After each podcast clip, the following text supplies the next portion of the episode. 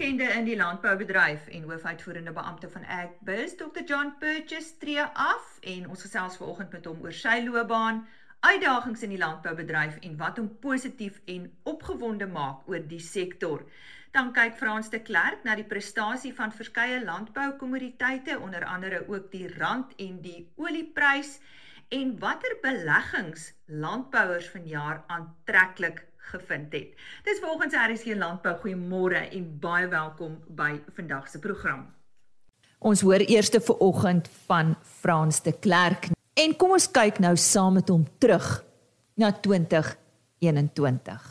Ehm um, hierdie was 'n jaar van baie uh, bewegings op die markte en baie van die boere en ek dink baie beleggers is totaal onkant gevang wat hierdie jaar gebeur het want baie van ons lewe nog in die gedagte van ehm um, COVID van 2020 en wat ons gesien het is alles behalwe die markte het absoluut gereageer en pragtig gehardloop en daarom wil ek afskop met vanmôre net om vir boere te sê wat nou wel in die plaaslike indeks belê het en dit is op die algehele indeks het 'n wonderlike jaar gehad. Dit is min wat die jaar en min wat 'n mark um, 22% in 'n jaar styg en dit is wat hierdie jaar gebeur het op sy hoogtepunt. Nou die dag was hy 22% hoër en snaaks genoeg dit het in 2012 laas gebeur.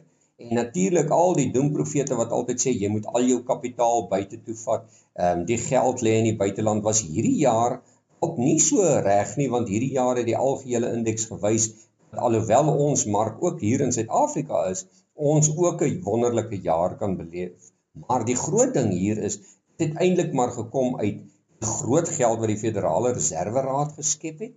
En dit sê maar net dat daardie maklike likwiditeit wat in markte gepomp is net versigtig gehanteer moet word want die markte kan baie vinnig afblaas. As daardie likwiditeit omswy en ons sien dat met die hoër inflasie kan jy hoër rentekoerse kry En as hierdie rentekoerse net 'n paar persentasiepunte gaan styg reg oor die wêreld, dan gaan baie beleggers begine sê, "Jong, miskien is dit tyd om geld uit die markte uit te haal en so 'n bietjie op geldmarkte lê of in 'n rentedraande instrument en dan gaan 'n bietjie 'n beter opbrengs hê om volgende jaar weer 22% te styg."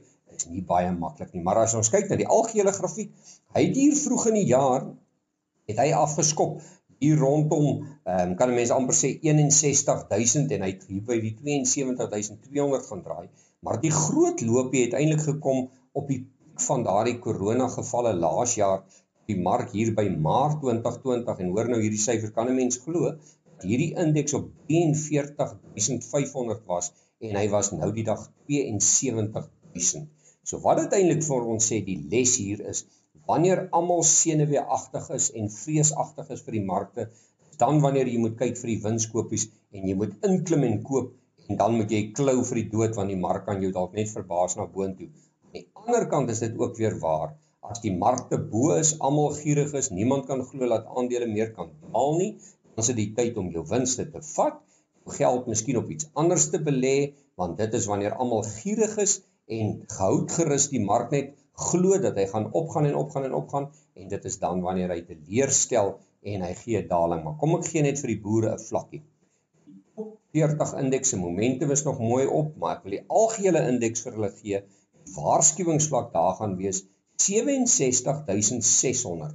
As dit breek na onder toe, dan kan die mark net vir mooi verbaas en hom al die pad afvat na 62800 en as daardie vlak breek kan ons kry 59900 en selfs het terugtrek na 58423. En vir landbou was die rand en sal die rand altyd belangrik bly, veral vir ons uitvoerders. Die rand se grafiek het ons ook vroeër die jaar begine waarsku hier rondom Mei maand toe hy hier rondom R13.30 was, het ons begine bekommerd raak dat die rand dalk net te veel versterk het. Nou ja, dit was heeltemal reg want op daardie stadium was die rand se grafiek se tegniese grafiek verskriklik oorgekoop en dit was net logies dat hy sou verswak en hy het toe begine verswak, maar wat ons toe sien, hy skep toe 'n omgekeerde kop en skouer. En ons het ook vir boere daai tyd gesê wees versigtig om sommer net jou oeste vas te maak want 'n swakker rand kan jou bevoordeel. En die rand het toe verswak En die eerste teken van verdere verswakking was bo 1462 toe die rand bo die 40 week bewegende gemiddelde begin inskuif het en toe het hy later 'n pragtige omgekeerde kop en skouer geskep en die neckline het gelê by R15.30. Bo R15.30 het die die omgekeerde kop en skouer formasie in werking getree. Ons het ons eerste teiken al bereik van R16.36 en ek dink nou kan ons dalk 'n tydelike versterking sien van die rand selfs hier na 15.20 toe, maar dan kan hy daarvan weer verder verswak om die uiteindelike teiken te bereik van 16.86 van die omgekeerde kop en skouer. Iets wat boere dalk altyd moet onthou, wanneer jy geld aan die buiteland toe wil skuif of as jy wil peerrande koop of selfs sagte kommoditeite koop, koop dit wanneer die rand sterk is. Met ander woorde, moenie die rand jaag as hy verswak nie, want hy's maar soos enige ander instrument, hy het maar sy skommelinge van versterking en verswakking en as hy versterk is, die, is die plekkie om te koop. So daardie neckline dop en ek het daai vlak nou net deurgegee waar in die rand kan trek om te versterk en dan weer verder daarvan af te verswak. En 'n seerpuntjie is die olieprys wiet in ons lewens gedink dat ons noord van R20 vir 'n liter brandstof gaan betaal. Maar die situasie kom ook eintlik al uit 2020 uit daar met die koronavirus. Was daar een aand wat die termynkontrakte van die Brent olieprys, hoe klink dit nou op 'n minus verhandel het. So hulle sou jou betaal het as jy dit net gestoor het en nou skielik is die prys al die pad en hy was nou die dag noord van 80 dollar per vat. Nou dit lyk vir my amper asof daar 'n baie sterk weerstand van Brent olie by 85 is. Sodra hy bo 85 skuif kan ons moeilikheid verwag. Dan kan ons sien dat hy selfs 92 en ek het selfs 'n teken hier van 100 wat hy kan bereik. Maar vir my persoonlik stoei hy nou rondom sy 40 week bewegende gemiddelde van 70 dollar. As hy onder dit kom, kan hy dalk self 'n strek gee na 60 toe en selfs na 55 toe, maar hierdie tendens van 'n verswakkende ehm um, amper kan jy sê prys teen ons. Met ander woorde die prys van verswakkende brandstof laat hy net duurder gaan word is 'n gegewe. Dit lyk net vir my asof hy gaan en onthou nou net boere en enige belegger moet dit altyd in gedagte hou. 'n baie groot deel van die brandstofprys wat jy betaal by die by die volstasie is niks anders as belasting nie So moenie dink dat die regering baie vinnig jou eh, brandstofpryse gaan verlaag nie. Hulle sien dit as 'n vorm van inkomste vir hulle en daarom gaan hulle laat Jan publiek betaal en daarom moet boere wat dalk met sagte kommoditeite ook ernstig is rondom mielies en soja en daardie produkte altyd besef wanneer die olieprys opgaan is dit die tyd om dalk vroegtydig jou brandstof te koop en as die rand sterk is dalk sommer van hulle vroegtydig te koop dan het jy hierdie wonderlike stygings sy beginne gaan, het jy al klaar 'n paar rond in jou tank. Want dink nou net, as jy jou brandstof gekoop het hier teen 15, 16 rand vir 'n liter diesel en skielik as hy sê nou maar 18 rand, onmiddellik gee dit jou oes 'n wonderlike hupstoot sonder dat jy 'n mieliepit van die veld afval. En wat het jy oor Bitcoin te sê, Frans? Ai nou ja, en wat het ons hierdie jaar geleer? Ons het geleer die boere verskriklik lief is vir Bitcoin verhandeling. En uh, as ons nou kyk na Bitcoin, wat 'n loopie van hierdie jaar het hy nie vir ons gegee nie. Hier vroeg in 2021 was Bitcoin, ek dink uh, luisteraars gaan dit amper nie glo nie, was rondom 18000 dollar. En hy het gaan draai baie naby aan 66000 dollar. En dis in 'n jaar, met ander woorde, lag lag die beste belegging in die wêreld vir die jaar maar pas op net jy kan nie altyd jou bitcoins in die hande kry nie. Ek het nou die dag iemand gekry wat my gekontak het. Hulle hulle praat van 'n e-wallet hoor ek en toe daardie persoon toe hy in sy rekenaar gaan toe kom hy agter dat iemand daardie bitcoin van hom gevat het en dat hy hom nie in die hande kan kry nie. So wees versigtig. Bitcoin is 'n hoogs spekulatiewe uh, belegging, maar dit lyk vir my amper as bitcoin nie wo weer bo 63200 dollar kan kom nie, dan sit ons met 'n moontlike dubbelhoogte. 'n Dubbelhoogte is altyd 'n waarskuwingsformasie en as ek kyk na die 40 week bewegende gemiddelde wat die langtermyn steun is, van Bitcoin lê by 48200. Hy was nou die dag net so vir 'n rapsie onder dit gewees en as hy onder 48000 is, gaan ons ons eerste waarskuwing kry en dan die volgende steen gaan wees by 43101 en nou kom die gevaarlike vlak. Dit is 30600. As 30600 nie meer kopers lok nie, dan kan hierdie lelike dubbelhoogte wat ek nou net van gepraat het gaan hy uitspeel en kan julle glo waarheen kan hy hom vat? Niemand gaan dit glo nie. Hy kan hom al die pad terugvat na 13000 Amerikaanse dollar.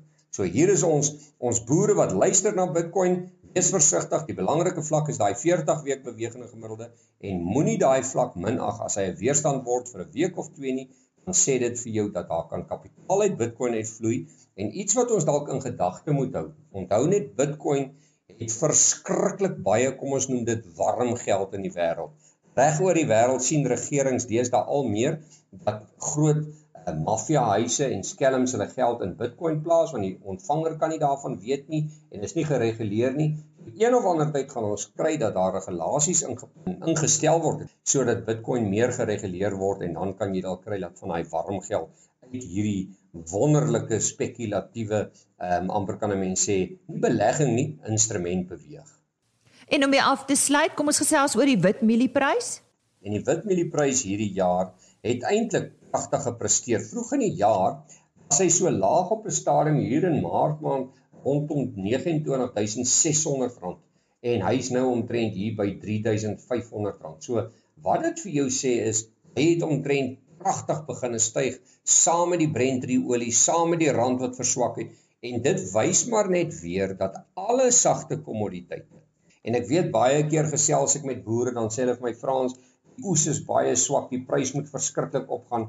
Wat ons nie besef nie is dat daar is altyd mense wat produk invoer en uitvoer en wanneer 'n land regtig 'n groot tekort ervaar, dan gaan soek daardie regerings ander milies alles dit by 'n ander land. Hulle betaal 'n bietjie op of hulle betaal 'n bietjie af So moenie net dink dat daar met voedselsekerheid 'n moed is in mielies nie. Jy kry baie keer regerings wat wil snaaks wees en dan wil hulle reeds nie by die lokale boere koop nie, dan koop hulle sommer 'n klomp swakker kwaliteit mielies net by ander lande sodat hulle die prys hier kan onderdruk hou. So sien eerder sagte kommoditeite as niks anders as 'n kommoditeit wat in 'n siklus beweeg nie. Maar nou wil ek vir luisteraars 'n baie goeie stukkie raad gee. Ek het 'n groot handelaar hier by my wat vir baie jare in mielies betrokke is en hy het deur die jare 'n som gedoen en hy's lank by my 'n kliënt wat deel is van ons mielie flits en ons um, currency flits wat ons elke dag uitstuur. En wat hy doen is wanneer die rand baie lekker sterk is en die mielieprys baie onder druk is, dan begin hy mielies koop op papiermielies. Hy hy koop dit op die termynkontrakte.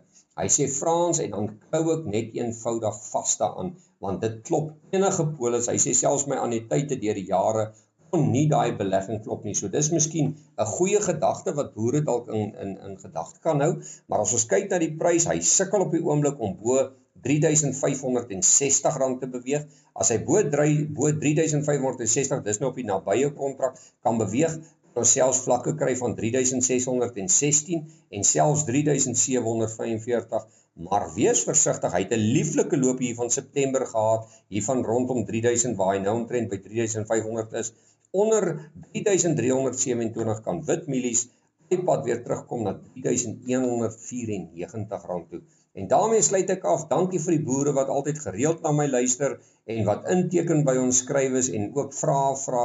So, Lise, dankie vir jou.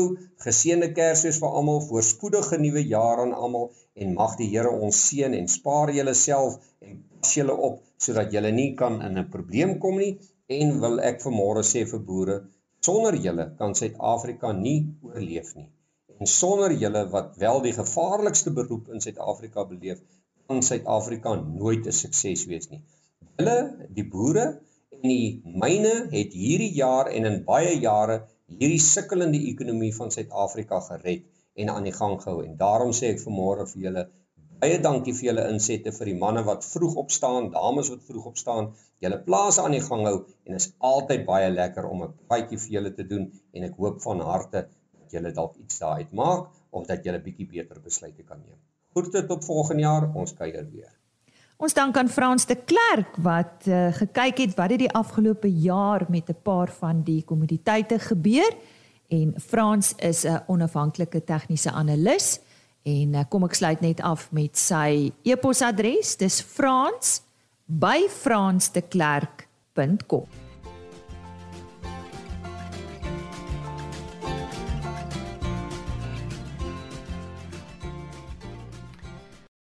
'n welbekende in landboukringe en die man aan die stuur van Agbus. groet die einde van hierdie jaar, maar blykbaar ek het 'n voeltjie hoor fluit hy's nie verlore vir landbou nie, Dr. John Purchase. John, wat 'n voorreg om jou hier te hê. Ja, baie dankie. Dankie. Toe ek net so 'n bietjie nalees oor jou, toe sien ek maar John Purchase is nie 'n ekonom nie, hy's eintlik 'n wetenskaplike. Nou waar het alles vir jou begin in landbou? Ja, ek het op 'n plaas groot geword uh tussen Lindley en Bethlehem. O, so jy's 'n Vrystaat. Ek is 'n Oos-Vrystaat Riemlander, soos hulle dit noem. Ja.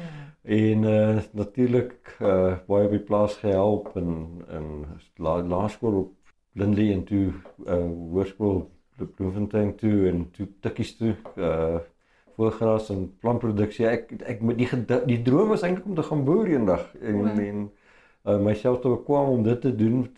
Uh, maar ek het altyd vakansies gewerk by die Kleingraan Instituut. Destyds uh Desember Januarie vakansies bietjie sakgeld verdien. En die die navorsingsgogga het my gebyt en ek het hulle het my toe daar aangestel na daar universiteit.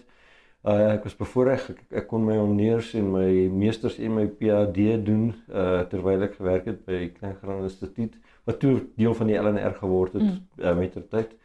Ehm um, baie geleer daar. Ek was 22 jaar in die in, in die Landbou Navorsingsraad gewees want ek is toe ook bevorder hoof van Somergraan Sentrum by die instituut vir graan gewas op Potchefstroom en uh, ek was daar vir so 3 jaar. Dit was eintlik nie baie lank nie. Maar toe sien ek die dinge raak moeilik vir vir vir ons in in en en dat die toekoms waarskynlik in die private sektor lê. Graan Suid-Afrika het my toe 'n aanbod gemaak en ek is toe na hulle toe en so binne 'n jaar of twee was ek hoofbestuurder by hulle gewees. Mm. En toe die ou LBK Landboubesigheidskamer mm. my bind genader. Mm. En uh ek het toe in 2007 mm. by hulle mm. begin werk en ek is nou wat 14 jaar by 14 jaar by, later. By, ek was ja en ja. ek het baie meer uh, uit die wetenskap uit beweeg toe ek na Graan Suid-Afrika as dan raak ek betrokke by die mm. ek wil amper sê by die die georganiseerde landbou en die en die en die die die, die, die politiek van landbou as ek dit sou wil noem, maar dit mm dit het miskien 'n negatiewe konnotasie, mm, maar die mm. maar die punt is eh, hoe moet ons landbou posisioneer? Besluitmaker, jy wou besluit. Ek wou ja, ek wou ja. daar in die strategiese besluitnemingsprosesse betrokke mm, raak. Mm. Uh ek het 'n idee gehad hoe landbou moet werk ja. en en en ek wou 'n rol speel daar. Ek wil 'n bietjie terugkom na jou tyd toe by die Landbou Navorsingsraad. Was daar 'n spesifieke veld waaraan jy belang gestel het net vir interessantheid? Ja, ek was ons ek was deel van 'n koringspan by by Bethlehem en veral in die die akkerbou en die genetika. Uh mm en die eintlik die interaksie tussen verskillende variëteite mm. kultivars en en en die genotipe in die omgewing en ek het ook my PhD daarop gedoen. Uh daai interaksie met jy dit ontleed en statistiese modelle was vir my ja. uh, ek het dit baie geniet want ek het baie interaksie met die boere ook gehad ja. met boere ja. daar en dis meer so ek het baie geleer uh baie dankbaar ja. vir vir daai tyd wat die LNR was ek dink daar's die LNR het nou baie groot probleme maar ja. daai tyd was dit werklik 'n besondere uh instansie wat wat wat my baie goeie basis gegee het om ook nou nou nog in die landbou jy weet jy jy jy, jy leer baie oor wat dit behels en waarna toe moet ons gaan met beleid en dis meer en ons kyk nou na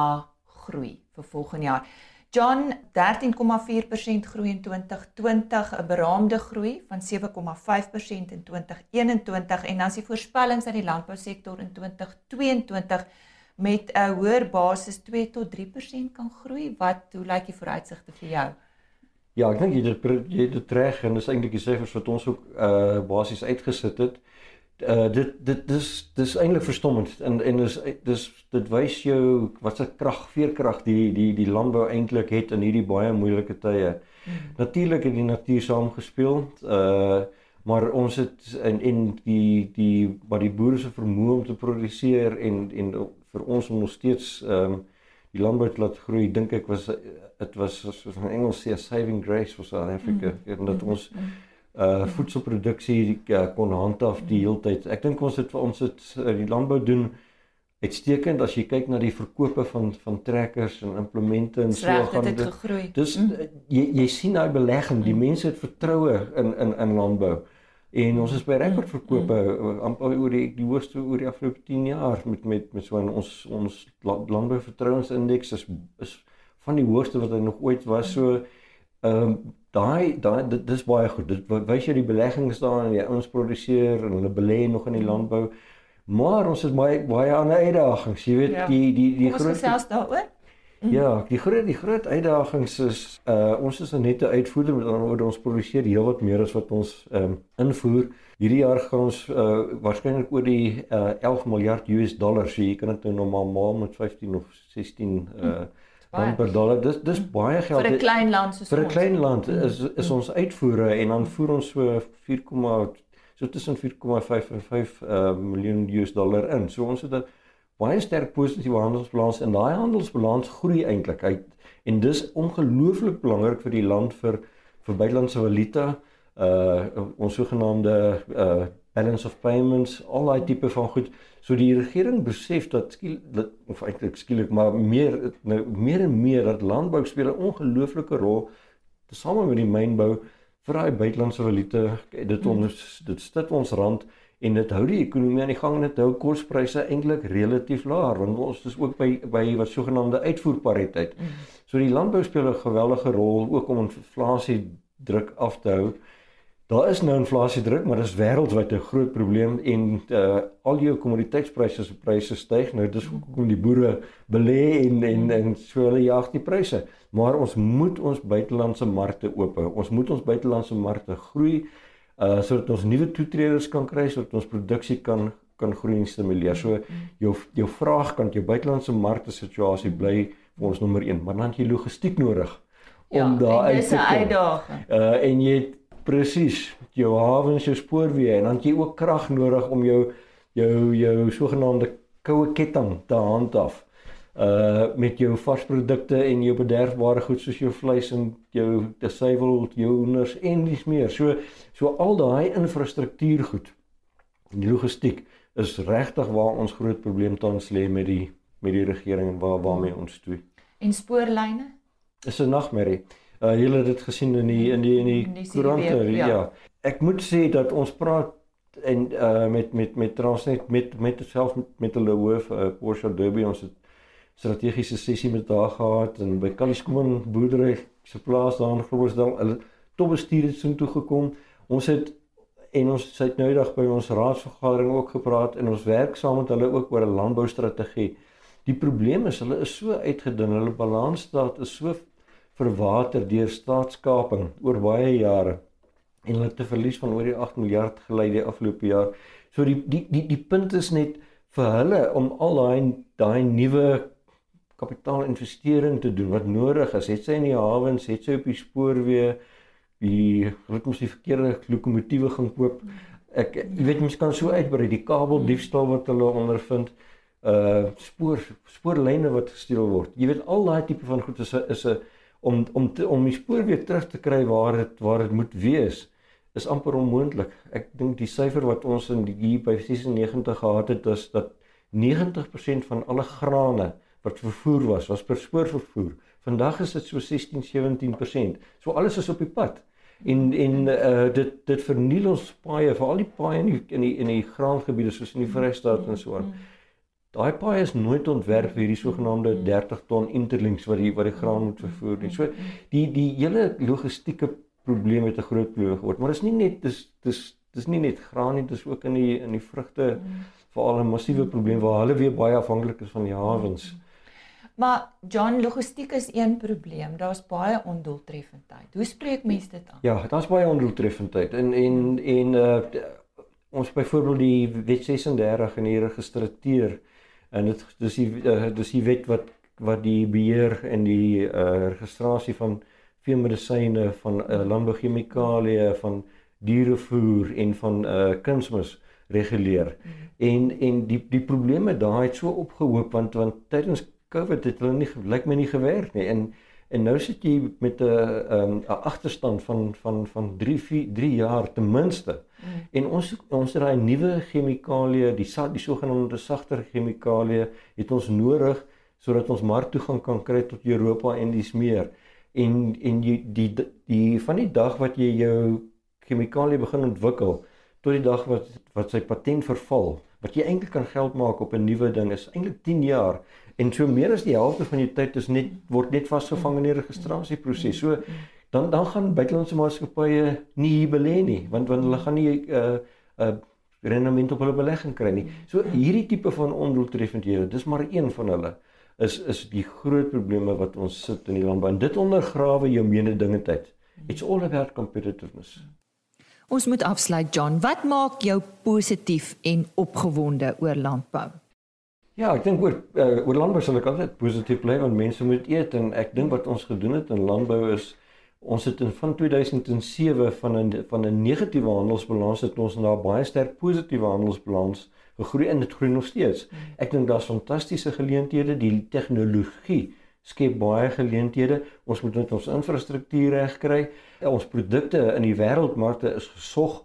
So ek sien eintlik 'n blink toekoms as ons kan saamwerk om hierdie probleme te hanteer en dis hoekom ons die meesterplan ontwikkel sodat ons op dieselfde bladsy vir mekaar kan sê dit is wat gedoen moet word en dit is hoe ons dit gaan doen en dan dan moet daar 'n implementeringsplan wees en dis meer. So ek bly baie positief oor die landbou. Uh daar is mense wat wat wil saamwerk en en en en in 'n toekoms sien daarvoor. So uh ek hoop net ons kan die die die goeie reëns in die goed hou dat ons nie weer deur die kwai droogte jare gaan soos wat ons gegaan het uh 2014, 2015, 2016 en dan ook uh 2018, 2019 selfs in daai tyd het die landbou gegroei. Jy weet ons ek ek moet die syfers noem dat ons oor die afgelope 10 jaar het ons beide in in volume en in in reële waarde uh ten minste met 20 tot 30% toe gegroei met landbouproduksie. Ook die syfers, die indiensname syfers het met 20% gegroei. So die die die tekens is daar. Ons moet net aanhou doen die regte goed. Jou toekoms. Jy's ja. deel van daai meesterplan. Ja, ek ek lei ek lei van die van die sogenaamde uh, kommersiële bedryf en en maar ek daar's 'n hele span ouens wat ongelooflike werk doen om hierdie ding te laat uh suksesvol wees. Dis 'n dis 'n groot uitdaging uh en dis moeilik want dit is moeilike onderhandeling met die met met die regering uh oor sensitiewe goed soos grond, water, arbeid en jy ons werk ook met met die georganiseerde arbeid. So Maar as jy nie as jy nie met mekaar praat nie, gaan jy nie by 'n gesamentlike doelwit uitkom op die einde nie. So hierdie proses gaan aan. Ek het dink dink die proses is geloofwaardig, so ek bly positief. Ek gaan daarbey betrokke raak en 'n paar ander goed. Ons het dag selfs met Dr. John Purchase, hy was natuurlik hoofuitvoerende beampte van Agbus wat ook aftree hierdie jaar, maar soos hy gesê het, nie verlore vir landbou nie.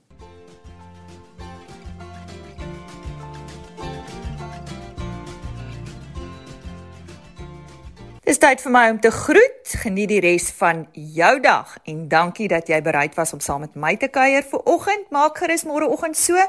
Onthou Jannie de Villiers môreoggend op RSG Landbou met 'n spesiale Kersboodskap aan ons landbouers. RSG Landbou is op die RSG webtuiste as potgooi beskikbaar. Totsiens. RSG Landbou is 'n plaas media produksie met regisseur en aanbieder Lize Roberts en tegniese ondersteuning deur Jolande Rooi.